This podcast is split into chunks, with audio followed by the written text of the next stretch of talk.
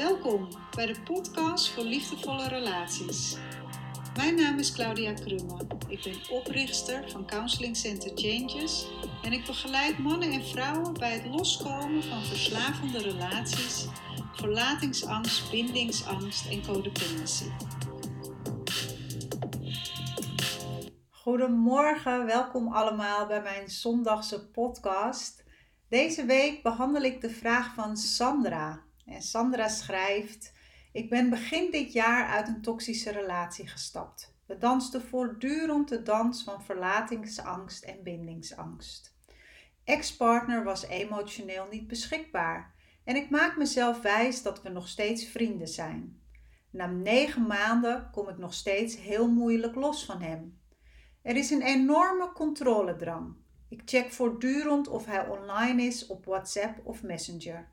We zijn nog vrienden op Facebook en ik check constant zijn Facebook-profiel om wanneer er dingen verschijnen helemaal van de kaart te zijn. Mijn vraag is de volgende: hoe ga ik best om met mijn controlegedrag en heb je tips hoe je het best omgaat met social media en relatieverslaving of codependency? Nou, super mooie vraag, Sandra. Heerlijk om deze weer te mogen beantwoorden. Want ik vermoed dat er veel vrouwen, maar ook mannen zijn die zich hierin herkennen. en er zijn meerdere aspecten in jouw vraag. We kunnen het hebben over inderdaad het controlegedrag, de social media. Maar ik hoor ook nog de vraag eigenlijk of het mogelijk is om vrienden te zijn met je ex. Dus ik ga proberen om deze alle drie uh, te beantwoorden. En ik ga beginnen met het stukje controledrang. Want controledrang, dat is in dit geval het stukje van checken of hij online is op WhatsApp of Messenger of op Facebook. Dus waarom doe je dat? Wat is de functie van controlegedrag? Dat kun je bij jezelf nagaan. Van wat denk ik nou of wat hoop ik nou dat mijn gedrag me oplevert. Controlegedrag gaat er altijd over dat je probeert om de gedachtenwereld, de gevoelswereld of het gedrag van een ander te beïnvloeden met jouw gedrag. En in dit geval ehm, probeer je er dus achter te komen ehm, wat hij doet. dus het is niet alleen de functie dat je invloed wil hebben op zijn gedrag, maar ook op jouw eigen gevoelsbeleving. Want je hoopt ergens misschien dat als je iets ziet, ehm, ja, dat je daar weer blij van wordt. Of uh, dat het jou inzichten geeft. Of dat het even dat gevoel van eenzaamheid onderdrukt. er gebeurt van alles en dat is bij veel mensen.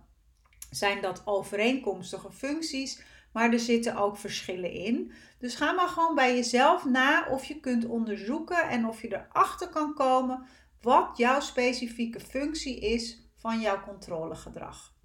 Want dat is ook belangrijk. We noemen dat ook wel de positieve intentie van een strategie. Wanneer je dat weet, kun je ook op een andere manier aan die positieve intentie voldoen. Um, Goed, dus dat is één. Bij iedere overlevingsstrategie, dus ook bij controlegedrag, is de eerste stap inventariseren. Wanneer je weet dat er sprake is van controlegedrag, dan is stap 2 om je te committeren aan een stukje onthouding. Ben ik bereid om met mijn controlegedrag te stoppen? Ben ik bereid om het commitment aan te gaan van onthouding? dus de eerste stap daarin is inventariseren. Hoe ziet mijn controlegedrag eruit? En wanneer je dat helder hebt, kun je net als de alcoholist die stopt met drinken, kun jij stoppen met je controlegedrag. En dat betekent dat wanneer jij stopt met je controlegedrag, dat er gevoelens naar de oppervlakte gaan komen. En onrust en mogelijk leegte en eenzaamheid of angst of wat dan ook. Hè? En dat geeft je als het ware toegang tot jouw eigen oude wonden en geeft het je dus ook toegang om jezelf op dat stuk te kunnen helen.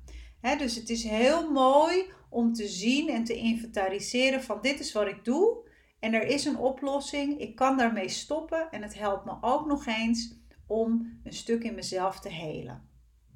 dus dat Dat is over het stukje controlegedrag. En als je het moeilijk vindt om zo'n overlevingsstrategie zelfstandig te ontmantelen, om daarbij het contact te gaan maken met de oude pijn die eronder zit en vanuit je volwassen deel jezelf te geven wat je nodig hebt, neem dan contact op met een van onze therapeuten of met een therapeut die jou aanspreekt, die jou kan helpen bij het ontmantelen van jouw specifieke overlevingsstrategie. Nou, ik had het net al eventjes over die onthouding.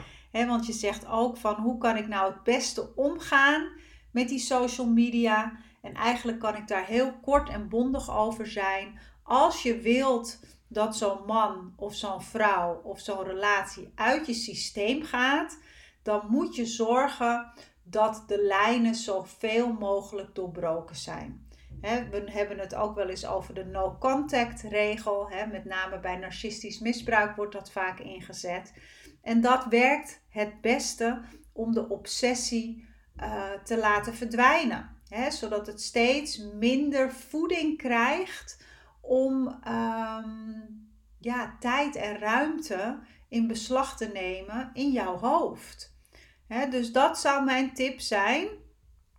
ga van social media af of uh, zorg dat je de berichten van de persoon in kwestie niet meer ziet. En dat er een paar stappen zijn die je moet zetten om uh, op zijn account te komen. Of uh, maak een lijstje van uh, dingen die je kan doen. We noemen dat ook wel top lines. Uh, die je kan doen om in te zetten op het moment dat de trek, de craving, het verlangen ontstaat om op die social media te gaan kijken. je kunt dan denken aan bijvoorbeeld een douche nemen, een rondje lopen met de hond, een vriendin bellen, um, gaan schrijven, gaan ademen, gaan mediteren.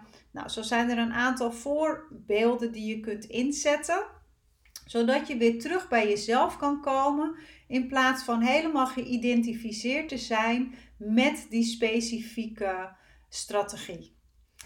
Um, dus, dus dat is naar mijn idee de beste manier om om te gaan met social media. het moet uit je systeem, dus um, ja, dwing jezelf als het ware om, uh, om daarmee te stoppen. En ik snap dat dat makkelijker gezegd is dan gedaan, hè, want je bent één klik ervan vandaan. Dus je moet hem en van je WhatsApp afhalen, en van je Messenger, en van je Facebook. Er moeten meerdere stappen nodig zijn om uh, terug te kunnen vallen. Hè, want verslaving manifesteert zich hè, vanuit de amygdala, dat is ons emotionele brein.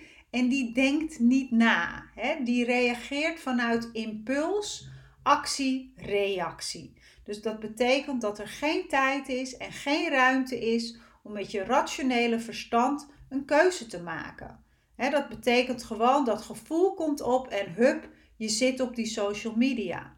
En we zitten natuurlijk heel vaak met onze telefoon in de hand. Dus je bent echt één klik van je verslaving vandaan en je zit er weer in.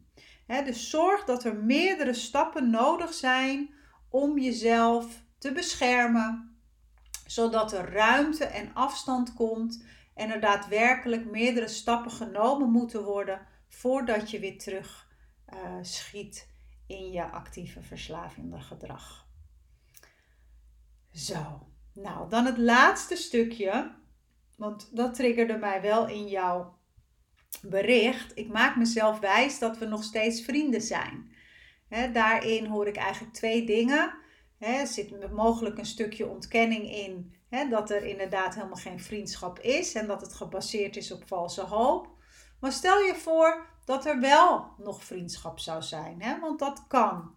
Alleen dan kun je je afvragen of de vriendschap voedend is en een meerwaarde is in jouw herstel, in het loslaten van deze partner. Want op het moment hè, dat, nee, dan neem ik weer dat voorbeeld van die alcoholist. Uh, als je een alcoholist elke dag in een bar neerzet, ja, dan zal die op een gegeven moment wel gaan drinken. He, want dat, ook dat heeft weer te maken met dat emotionele brein, wat gewoon niet nadenkt en waarvoor het veel te dichtbij is om die stap te kunnen zetten.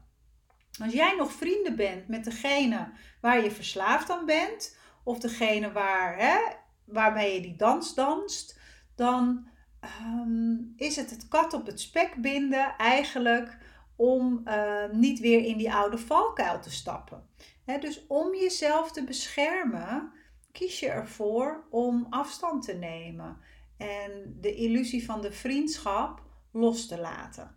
En ook als het geen illusie is en er is daadwerkelijk vriendschap, kun je nog steeds een gezonde keuze maken voor jezelf en zeggen: ehm, Nou, hè, die vriendschap die levert mij meer pijn, verdriet en ellende op dan dat het daadwerkelijk voedend voor me is. Dus ik kies ervoor om daarmee te stoppen. Hè, vanuit een volwassen autonome gedachte. Goed, Sandra en iedereen die hier uh, issues mee heeft, uh, ik hoop dat je hier wat aan hebt. En als jij ook een vraag hebt over iets gerelateerd aan de thematiek relatieverslaving, codependency, verlatingsangst of bindingsangst, stuur je vraag dan gerust naar me toe, want het geeft mij enorm veel input om Ehm, de diepte in te duiken en je te ondersteunen naar een volgende stap. Goed, voor nu wens ik je een hele fijne zondag en tot een volgend moment.